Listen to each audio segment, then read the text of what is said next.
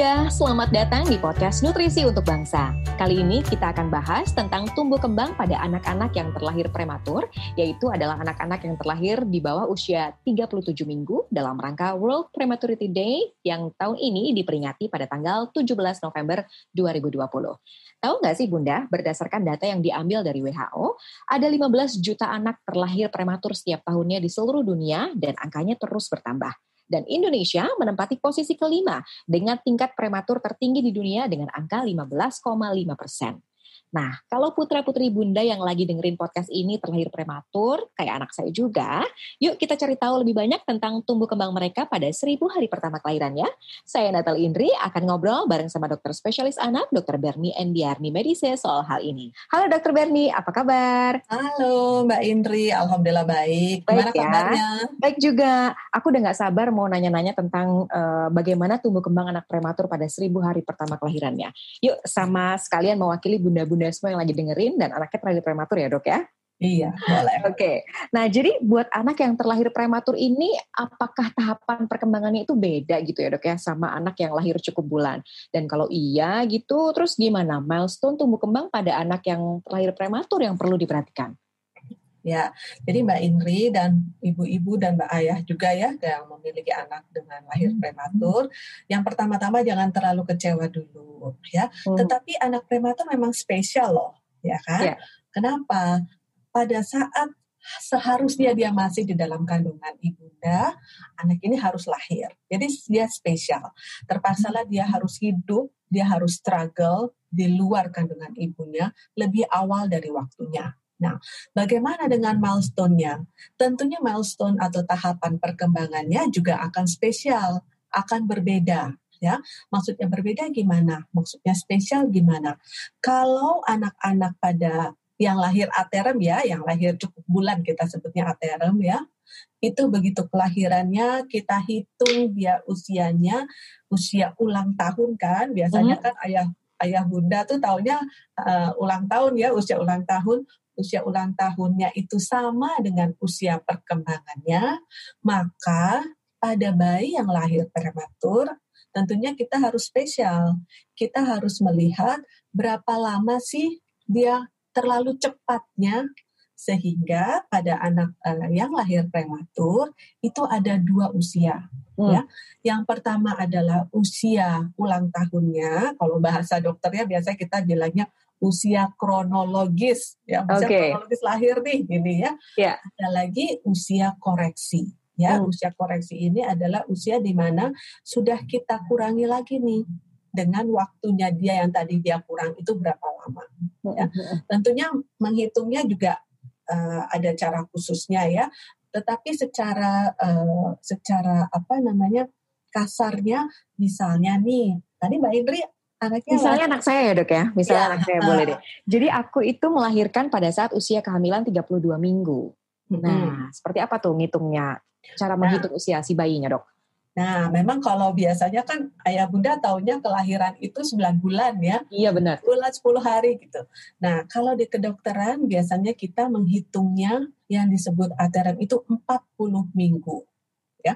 ya. Sebenarnya di atas 37, yang disebut prematur itu 37 minggu ke bawah ya. Sedangkan 37 minggu ke atas itu disebut sebenarnya cukup bulan. Tetapi kita menghitung alteret itu kita anggap 40 minggu. Jadi kalau misalnya anaknya Mbak Indri tadi lahir 32 minggu, berarti kecepatannya 8 minggu. Betul. 40 dikurang 32 sehingga 8 minggu itu kira-kira kecepatannya adalah 2 bulan ya. terlalu cepat dua bulan ya hmm. sehingga nanti kalau misalnya kan kalau Mbak Indri mau ulang tahunnya ulang tahun ke satu dong ya 12 bulan ya jadi itu adalah usia kronologisnya 12 bulan ya. tetapi usia koreksinya dikurangi dua bulan. Dua bulan tadi, jadi iya. sepuluh bulan. Sepuluh bulan. Oke. Okay. Gitu. Nah, terus kemudian kalau kita menuju ke tumbuh kembangan, kita selalu ada itu tuh dok, pemeriksaan panjang badan, berat badan setiap bulannya. Nah, hmm. ini yang yang digunakan uh, pada saat melihat kurva grafik pertumbuhan anak, itu tuh yang hmm. digunakan usia yang mana, Dok? Usia kronologis atau usia koreksi? Nah, ini yang tadi kata kunci spesial tadi ya. Hmm. Kalau pada saat bayi lahir tentunya kita uh, anak ini kita akan uh, buatnya usia uh, ulang tahunnya usia kronologis itu hanya untuk pemberian imunisasi. Jadi kalau misalnya nanti imunisasinya usia berapa, nah itu kita sesuai dengan usia kelahiran yang ulang tahun. Tetapi tadi pertanyaannya Mbak Indri yang biasanya um, ayah bundanya paling bingung nih, paling aduh kalau udah iya. pertumbuhan perkembangan nih gimana nih ya? Benar. Menggunakan usia koreksi. Oke. Okay. kenapa? Karena memang dia harusnya waktu saat lahir dia belum lahir, sehingga hmm. anak ini harus dihitung sebagai usia koreksinya. Usia koreksi nanti kalau pada saat uh, dia udah 15 bulan, berarti mm -hmm. usia koreksi anak Mbak Indri kan tadi 13 bulan. Jadi mm -hmm. untuk pertumbuhannya diplotnya di grafik 13 bulan. Untuk kemampuan perkembangannya dilihat pada usia 13 bulan. Nah, ini okay. kita ikuti sampai nanti usia koreksinya mencapai mhm. usia dua tahun. Dua tahun. Setelah dua tahun dok?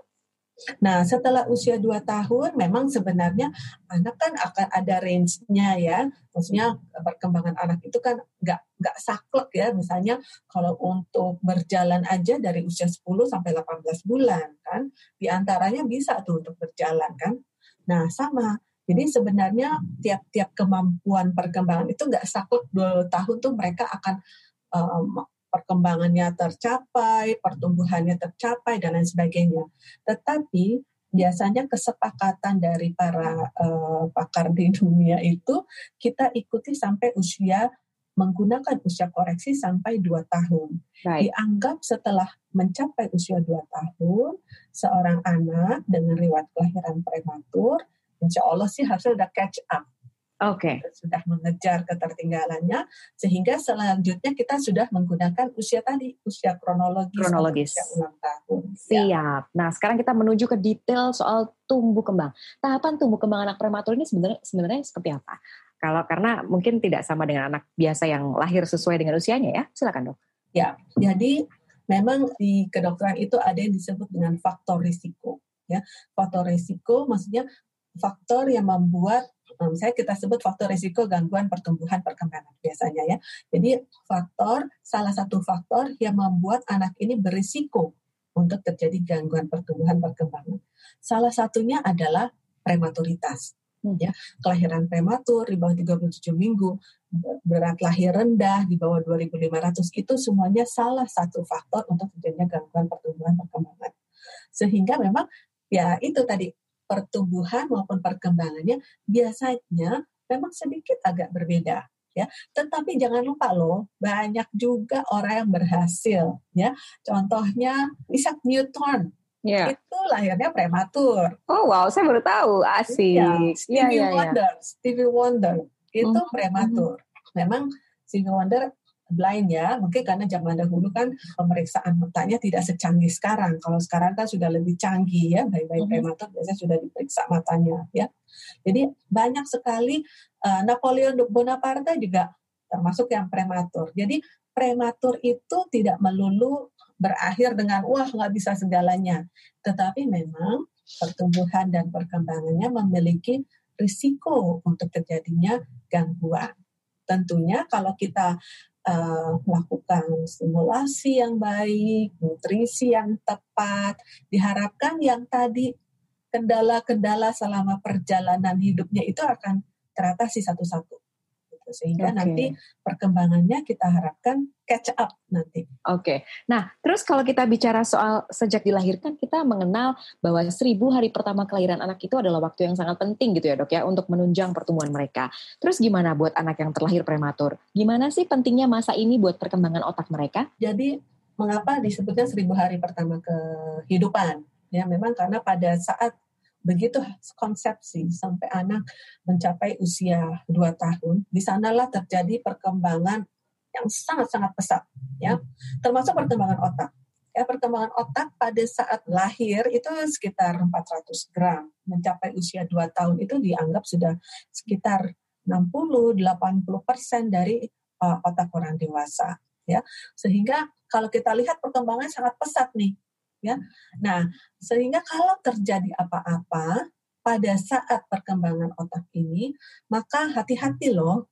Makanya disebut juga sebagai masa critical period. Ya, kalau terjadi apa-apa, ada insult, ada penyakit, ada apa, ini juga bisa menyebabkan gangguan di kemudian hari. Makanya tadi prematuritas termasuk salah satu faktor risiko yeah. gangguan perkembangan.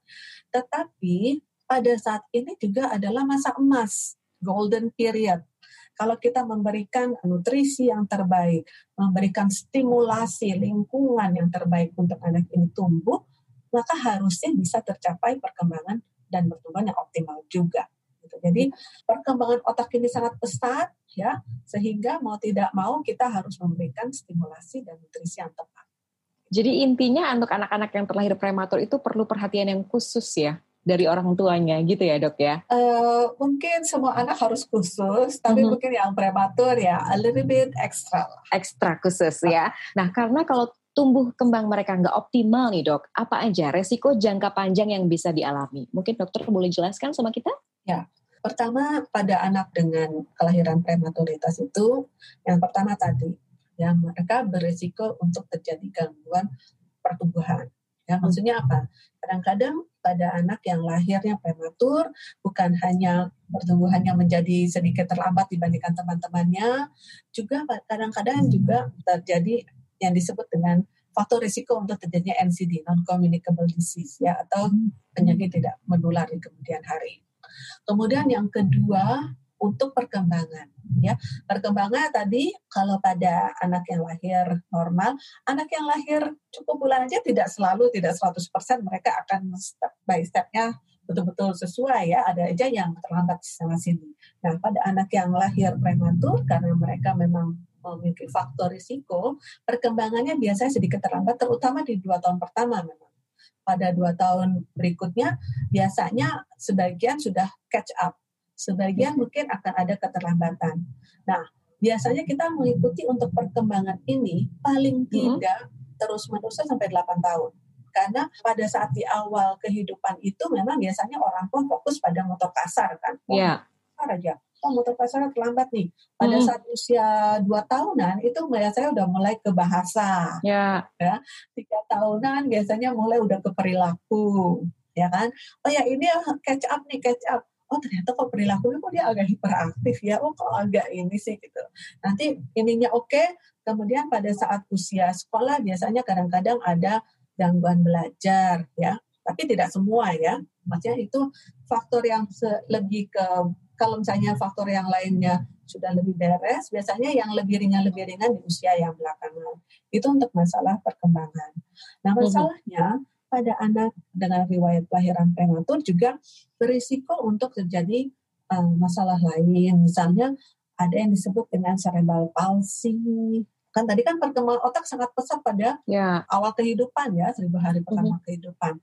Kalau terjadi apa-apa, ya, nah itu bisa tentunya ada komponen dari otak yang ter uh, yang mengalami kerusakan atau gangguan sehingga kadang-kadang pada anak ini terjadi misalnya ya tadi palsi cerebral ya atau uh, lumpuh layu kita sebutnya ya atau misalnya juga pada yang lahirnya 32 minggu atau lebih muda ya memang berisiko untuk gangguan pada mata. Oh, Oke. Okay. Ya, oleh sebab itu pada saat ini memang kita dokter anak itu sangat-sangat erat berhubungan dengan dokter mata ya terutama di uh, awal-awal kehidupan untuk melihat apakah ada retinopathy of prematurity ya. Hmm. sehingga kebutaan ini sudah banyak sekali yang sudah bisa dicegah ya. Itu salah satunya lah ya. Jadi ada beberapa masalah perkembangan yang memang kita harus hadapi ya.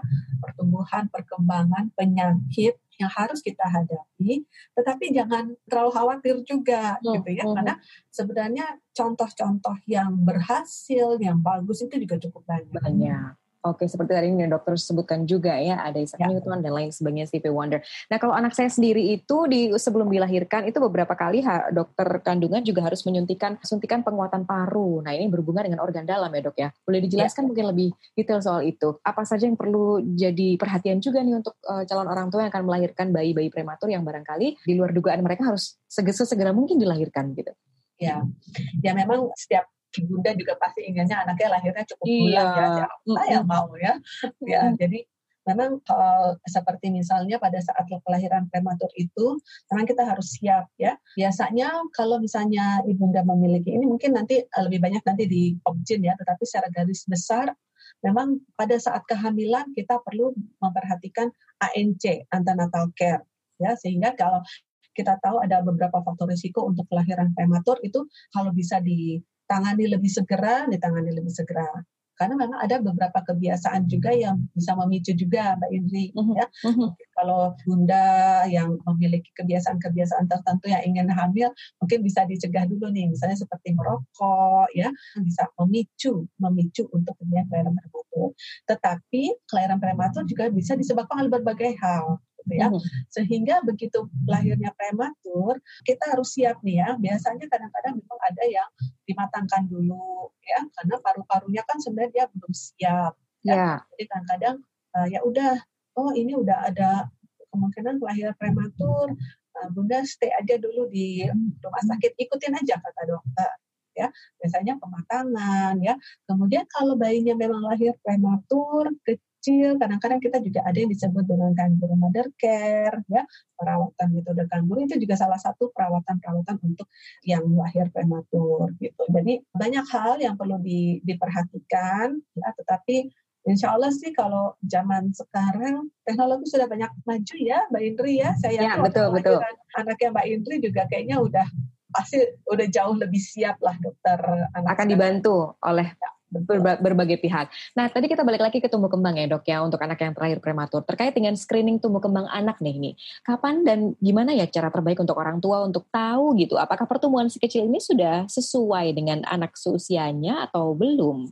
Ya, jadi untuk screening sebenarnya adalah untuk kata screening ya, screening atau deteksi dini itu adalah untuk melihat atau memastikan apakah anak yang kita anggap normal atau yang terlihat normal itu betul-betul normal sesuai dengan perkembangannya ataupun anak-anak yang memang memiliki faktor risiko gangguan pertumbuhan perkembangan apakah anak ini normal apa tidak ya. Jadi maksudnya begini jadi perkelahiran prematur itu kan merupakan salah satu faktor risiko sehingga anak-anak yang dengan riwayat kelahiran prematur itu sudah harus selalu dilakukan deteksi dini secara teratur. Karena ini adalah anak-anak yang mesti kita ikuti. Ya, kita ikuti pemantauannya harus diikuti. Kita biasanya menggunakan alat screening. Kita banyak sekali alat screening yang digunakan. Ya, kalau ayah bunda ingin lihat sendiri ada ya kuesioner pasien perkembangan atau buku KIA. Buku ya. KIA itu sangat bagus. Ya, mm -hmm. tentunya tadi untuk anak dengan kelahiran prematur jadi harus dilihat bahwa usianya disesuaikan dengan usia koreksinya sampai tadi usia 2 tahun. 2 tahun. Oke. Okay. Jadi kalau misalnya ingin menggunakan buku KIA, misalnya pada saat usia 15 bulan tadi ya anak yang Pak Indri, ya. mungkin menggunakannya yang usia 13 bulan dulu karena kan tadi kelahirannya dua, dua bulan lebih cepat. Nah, itu jadi menggunakan bukunya, buku KIA bisa. Buku KIA itu jangan dianggap remeh karena buku KIA itu adalah hasil diskusi panjang para pakar di Indonesia dan di Jepang loh. Itu kan kerjasama oh. Jepang. Ya. Dengan Kementerian Kesehatan juga. Jadi mm-hmm. bukunya itu memang uh, berisi um, dari bentuk stimulasi, deteksi dini, bagaimana cara memberikan uh, makan dan lain sebagainya sudah cukup lengkap di situ. Okay. Dan kalau untuk prematur memang harus disesuaikan usianya usia koreksi jangan lupa ya bunda semua ya. Nah terus apa nih dok yang harus dilakukan kalau anak-anak sudah memiliki tanda-tanda keterlambatan dalam tumbuh kembangnya? Ya, kalau sudah, jadi kalau misalnya menggunakan usia koreksi, ternyata tetap ada keterlambatan, maka biasanya kita yang disebut dengan intervensi dini. Ayah bunda di rumah kan harus selalu melakukan stimulasi, ya kan? Stimulasi itu merangsang dalam bentuk bermain, belajar dan lain sebagainya itu stimulasi ya. dilakukan oleh ayah bunda dan keluarga. Tetapi kalau pada deteksi dini kan biasa kita teratur tuh. Kalau hmm. di bawah satu tahun itu biasanya kita meminta per di bawah dua tahun minimal per tiga bulan. Ya, sebenarnya nggak cuma anak prematur ya, tetapi anak yang normal pun sebaiknya secara teratur dilakukan kan deteksi dini. Deteksi dini sekali lagi dilakukan pada anak yang berisiko dan anak yang terlihat normal untuk memastikan okay. apakah perkembangannya benar-benar sesuai atau hmm. normal hmm. gitu. Hmm. Nah kalau udah per tiga bulan ternyata ada keterlambatan, walaupun sudah dilakukan stimulasi, maka memang berarti kita harus melakukan intervensi. Ya, intervensinya okay. tergantung gangguannya di mana. Kalau gangguan perkembangan biasanya intervensinya tentunya ya kita melakukan intervensi untuk ke, ke arah perkembangannya. Oke, disesuaikan dengan keperluannya gitu ya, ya. oleh anak-anak yang terlahir prematur ini. Oke, nah di sesi ini aku akan coba wrap up sedikit, jadi mengingatkan pada ayah bunda semuanya bahwa usia kelahiran prematur itu adalah usia anak-anak yang lahir di bawah usia 37 minggu. Dan usianya ternyata ada dua nih usianya, usia kronologis atau usia tanggal lahir yang sebenarnya dan kemudian usia yang kedua adalah usia koreksi yang digunakan untuk memeriksa atau mengikuti alur tumbuh kembangnya sampai dia usianya 2 tahun. Nah, kalau kita bicara soal tahapan tumbuh kembangnya, memang sedikit agak berbeda. Tapi banyak juga loh anak-anak yang berhasil mengembangkan potensinya secara optimal gitu ya. Walaupun juga pasti ada resiko untuk gangguan pertumbuhan. Yang penting kita harus memberikan stimulasi dan juga nutrisi yang optimal dan tepat ya. Tadi ya dokter Bernie. Dan itu dilakukan selama seribu hari pertama kehidupan si kecil.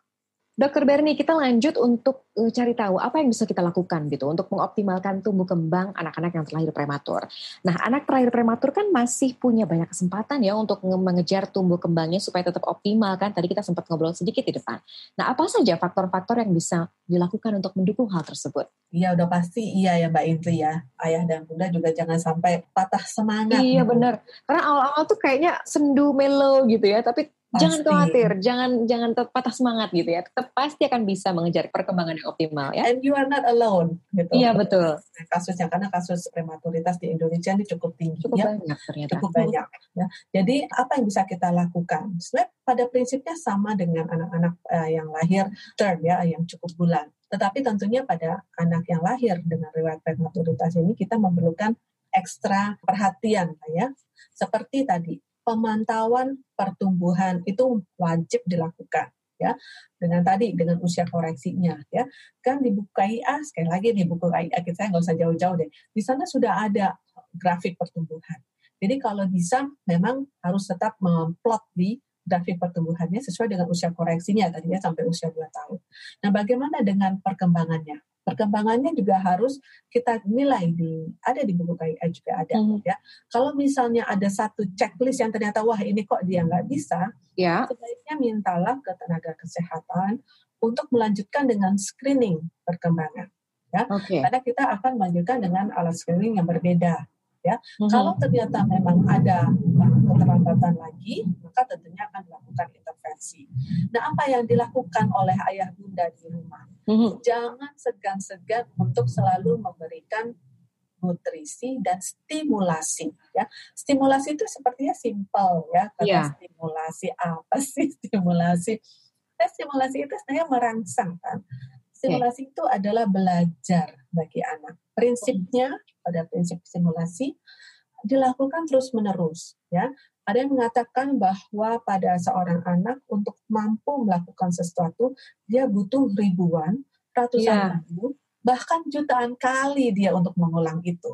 Jadi okay. apalagi anak dengan lahir prematuritas ya mungkin dia akan membutuhkan lebih banyak lagi ya. Mm -hmm. Kemudian dilakukan dalam suasana yang menyenangkan. Maksudnya jangan sampai kita dalam suasana yang uh, lagi tidak kondusif ya. Kalau anaknya lagi happy, ibunya happy ya, lakukan mm -hmm. dalam dua arah ya. Kalau mm -hmm. bisa dilakukan dalam bukan kalau bisa ya malah harusnya dilakukan Harus. dalam dua arah ya, ya ada ya. interaksi ya. dua arahnya mm -hmm. ya makanya kita jangan memberikan satu arah seperti memberikan televisi atau memberikan okay. uh, gadget gitu ya karena ini remindernya loh dokter Berni ini biasanya terjadi pada ya kan siapa saja gitu ya yang hmm. oke okay, awalnya udah udah rasanya udah semangat banget pengen berikan stimulasi dua arah tapi berakhir dengan stimulasi satu arah yuk kita cross check kembali ya jadi uh, lebih baik memang komunikasi atau uh, stimulasi dua arah Silakan iya, betul, dua arah.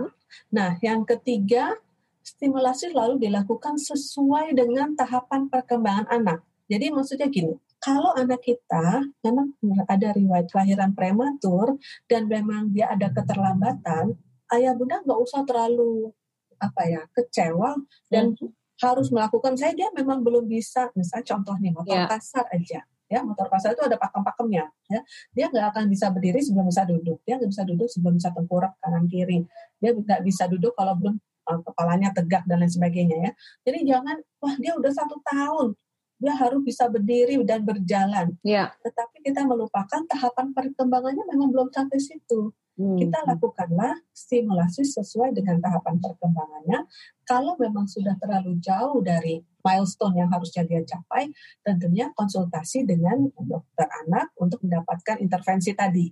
Ya. Tetapi stimulasi dan intervensi tentunya dilakukan sesuai dengan usia perkembangannya.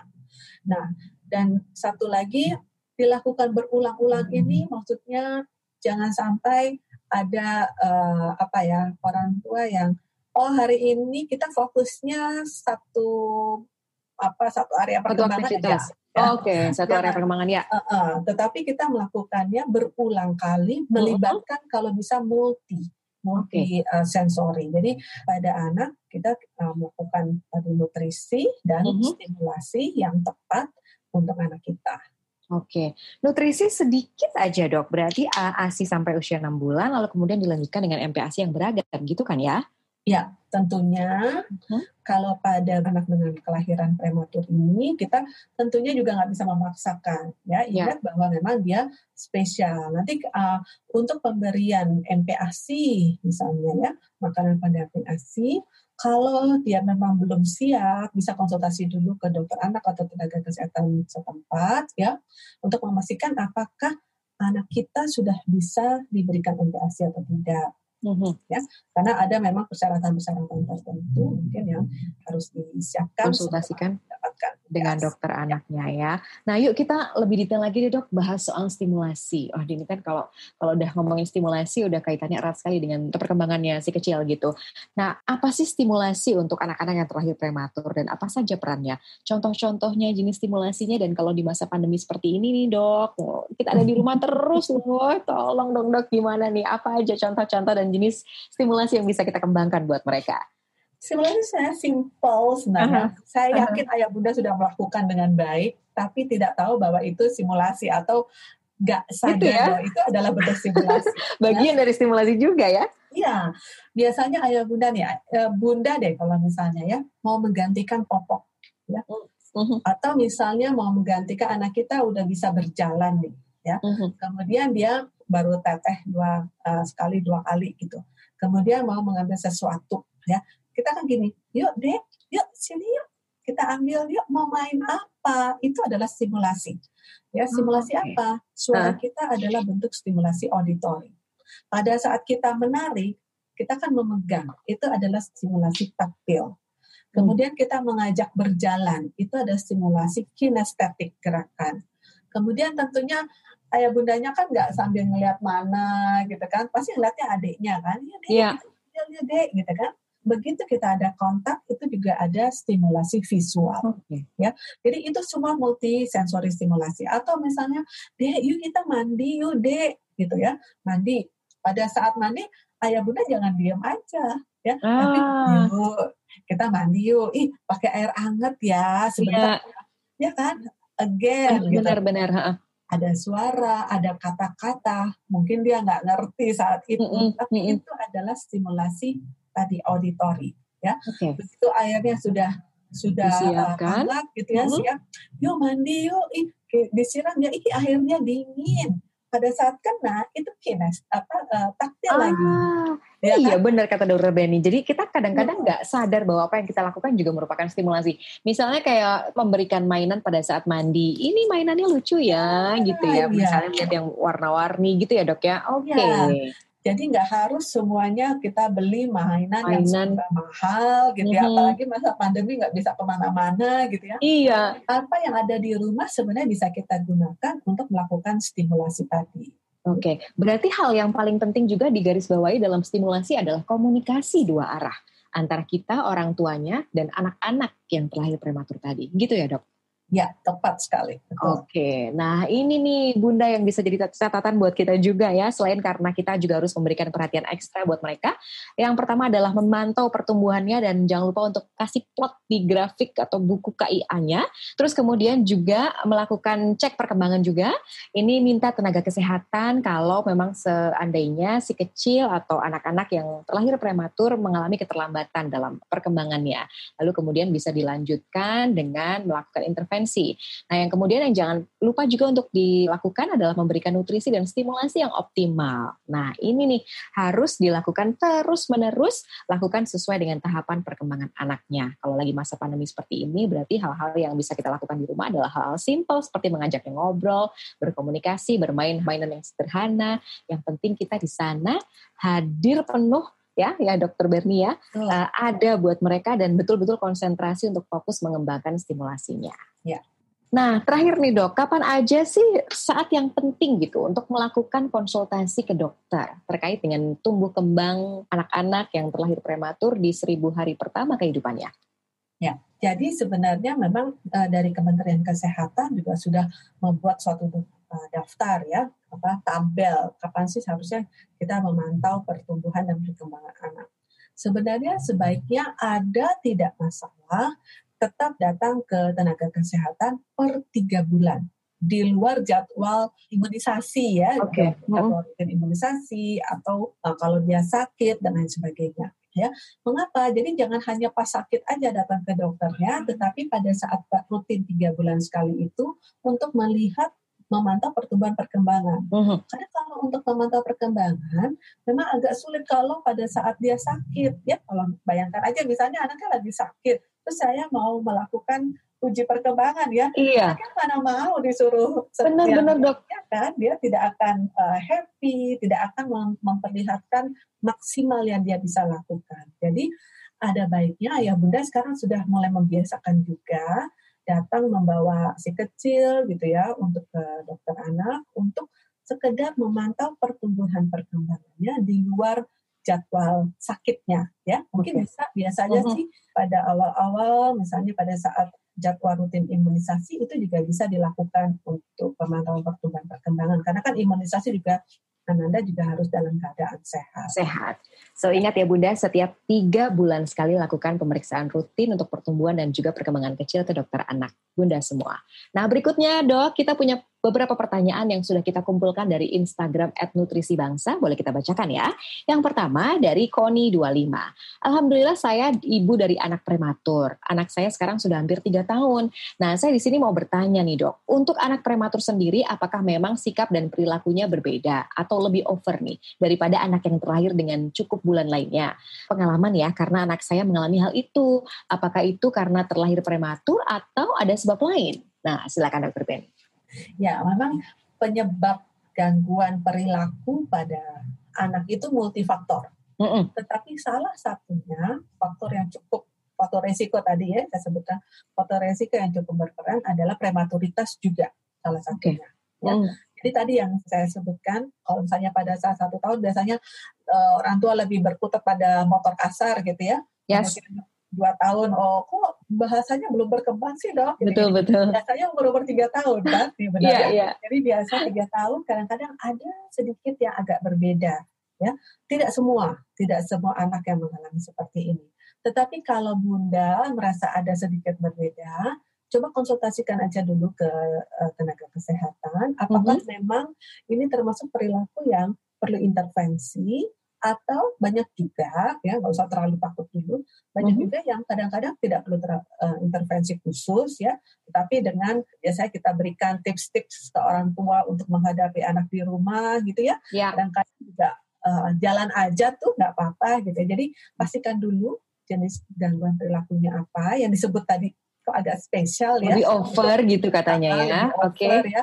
Kadang-kadang umur tiga tahun itu biasanya kita sudah mulai curiga apakah ada ke arah uh, eh, ADHD misalnya mm-hmm. ya, ADHD gitu ya atau hiperaktif itu biasanya memang uh, terlihat di usia sekitar tiga tahun. Tiga tahunan. Uh-huh. Tapi untuk lebih jelasnya kayaknya konsultasi ke dokter konsultasi dulu ya. Konsultasi aja dulu. Karena kadang-kadang okay. ADHD ini termasuk diagnosis yang sering cepat diucapkan tapi belum tentu ADHD. Iya benar juga ya. Oke, ya. jadi untuk lebih baiknya Bunda Koni, jadi silakan langsung konsultasi saja.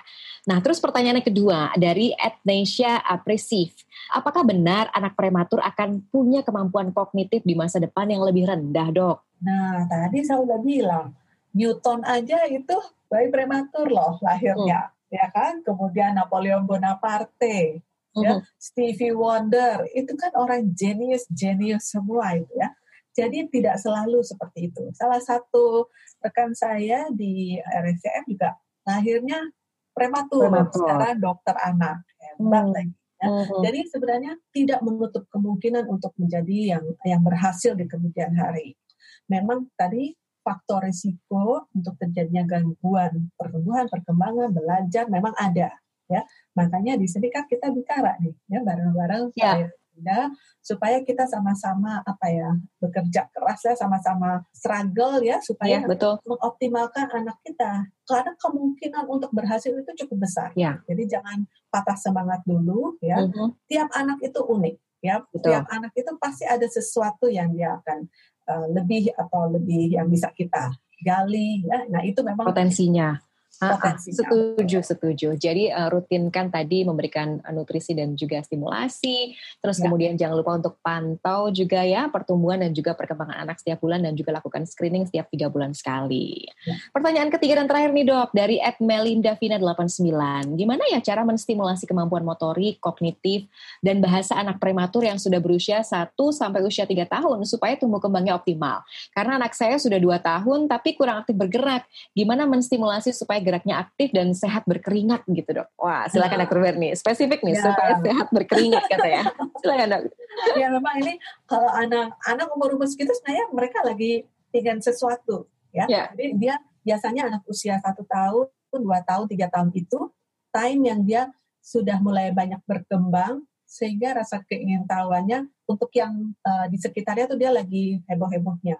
Benar. Kalau memang anak kita belum, kita tarik Misalnya kita melakukan nggak usah jauh-jauh ya, nggak usah tadi saya bilang nggak usah beli main, mainan yang mahal dulu. Misalnya kita gunakan dulu nih panci di kam, uh, di dapur sama uh, apa sendok. sendok. Terus kita jalan sambil teng teng teng teng teng. teng. Uh, Kayaknya sih simpel banget ya. Oh ini ide yang bagus sih. Saya ya, belum pernah coba dok. Oke siap dicoba. itu pasti dia akan senang gitu. Ya. Coba kita ajak yuk jalan yuk ikut bunda yuk jalan. Uh, nanti uh kalau ada kakaknya, kalau ada ayahnya suruh ikut apa bergerak bersama itu juga bisa ya. Mm-hmm. atau misalnya sekedar main lompat-lompat ya. Saya banyak juga ya permainan zaman dulu tuh yang sebenarnya menyenangkan ya untuk anak-anak ya. Tapi sekarang sudah nggak ada jarang dilihat. Tapi bisa kita lakukan ya. Misalnya kita pasang lagu kemudian kita menari bersama gitu ya ikutin gerakan ya. Kalau ada lagu biasanya anak-anak pasti seneng deh Pasti dan dilakukan bersama-sama dengan seluruh anggota keluarga. Itu iya, kayaknya dok ya, betul. ya intinya ya dok ya iya. untuk melakukan stimulasi ya. Betul. Kalau udah semuanya ayah bundanya udah nari, kakaknya nari, masa dia diam aja pasti iya. dia nari pasti dia pengen ikut atau setengahnya udah tertarik untuk melakukan aktivitas yang sama. Dicoba dulu ya di rumah, jangan patah semangat karena hmm. anak-anak yang terlahir prematur pasti akan bisa tetap optimal pertumbuhan dan juga perkembangannya. Thank you banget Dokter Berni. Nah sebelum podcast ini ditutup, karena kita sedang dalam rangka untuk memperingati World Prematurity Day di tahun 2020, ada nggak pesan-pesan semangat untuk para bunda pendengar podcast ini yang juga punya anak yang terlahir prematur? Silakan dok. Ya, intinya untuk ayah bunda yang memiliki anak dengan lahir prematur, jangan patah semangat dulu, ya. Tetapi ini um, ayah bunda tidak sendiri, karena Indonesia termasuk urutan atas juga ya, kalau nggak salah yang kelima di dunia dengan angka prematuritas yang cukup tinggi. Jadi banyak teman-teman yang lain, dan kelahiran prematur ini tidak menutup anak kita untuk menjadi anak yang sukses di kemudian hari yes. ya. Tetapi yang penting adalah dari awal kita melakukan pemberian nutrisi yang tepat, mm-hmm. memberi stimulasi, jangan jangan pernah bosan ya dan lakukan pemantauan pertumbuhan perkembangan secara teratur ya. Jadikan itu suatu apa ya eh, kebiasaan untuk sekedar memberikan informasi ke tenaga kesehatan, ke dokter supaya anak kita terpantau pertumbuhan perkembangannya sehingga nanti bisa optimal perkembangan dan pertumbuhannya. Nah, saya juga setuju sama Dokter Berni bahwa yang paling penting bagi ayah bunda semua yang melahirkan anak-anak yang terlahir prematur adalah untuk sama-sama saling memberikan support satu sama lain. Saya juga pernah kok menggendong kanguru anak saya yang lahir di bawah dua setengah kilo, tapi sebelahan juga sama bunda-bunda yang lain yang anaknya bahkan mungkin jauh lebih ringan gitu beratnya daripada anak kita. Dan kita sama-sama saling memberikan support. Dan sekarang anak-anak kita yang tadinya saya ketemu di ruang NICU, sekarang anak-anak kita juga sudah bisa mengejar perkembangan atau tahapan perkembangan sesuai dengan usianya. Jadi tetap semangat ya ayah bunda semua. Dan jangan lupa tadi seperti yang diingatkan oleh dokter Berni, tetap melakukan screening, tetap melakukan pantauan pertumbuhan dan juga perkembangan melalui buku KIA, kemudian juga memastikan dua usia nih buat ayah bunda semua yang baru saja melahirkan, ada dua usia dari anak-anak yang terlahir prematur, yaitu yang pertama adalah usia kronologis, usia yang sesuai dengan tanggal kelahirannya, lalu kemudian juga yang kedua adalah usia koreksi yang digunakan untuk memantau pertumbuhan dan perkembangannya sampai usianya 2 tahun.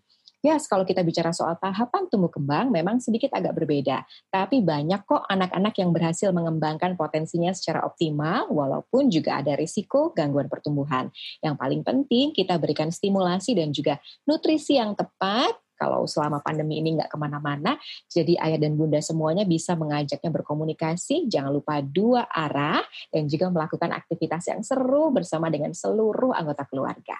Mudah-mudahan sih ya dok ya, kita semuanya bisa mengoptimalkan tumbuh kembang anak-anak yang terakhir prematur yang ada di Indonesia ya. Jadi, jadi terima kasih sekali lagi Dokter Berni sudah bareng-bareng sama kita untuk membahas lebih detail soal tumbuh kembang anak-anak yang terlahir prematur di seribu hari pertama kehidupannya. Sampai ketemu lagi ya dok di lain okay, kesempatan. Bye bye. Bye bye. Saya Natalia Indri pamit undur diri. Ayah bunda semua jangan lupa untuk ikuti update dari podcast Nutrisi untuk Bangsa melalui Instagram @nutrisi_bangsa. Lalu kemudian juga jangan lupa untuk dengarkan seri-seri podcast kita berikutnya dan sebelumnya. Sampai ketemu lagi. Bye.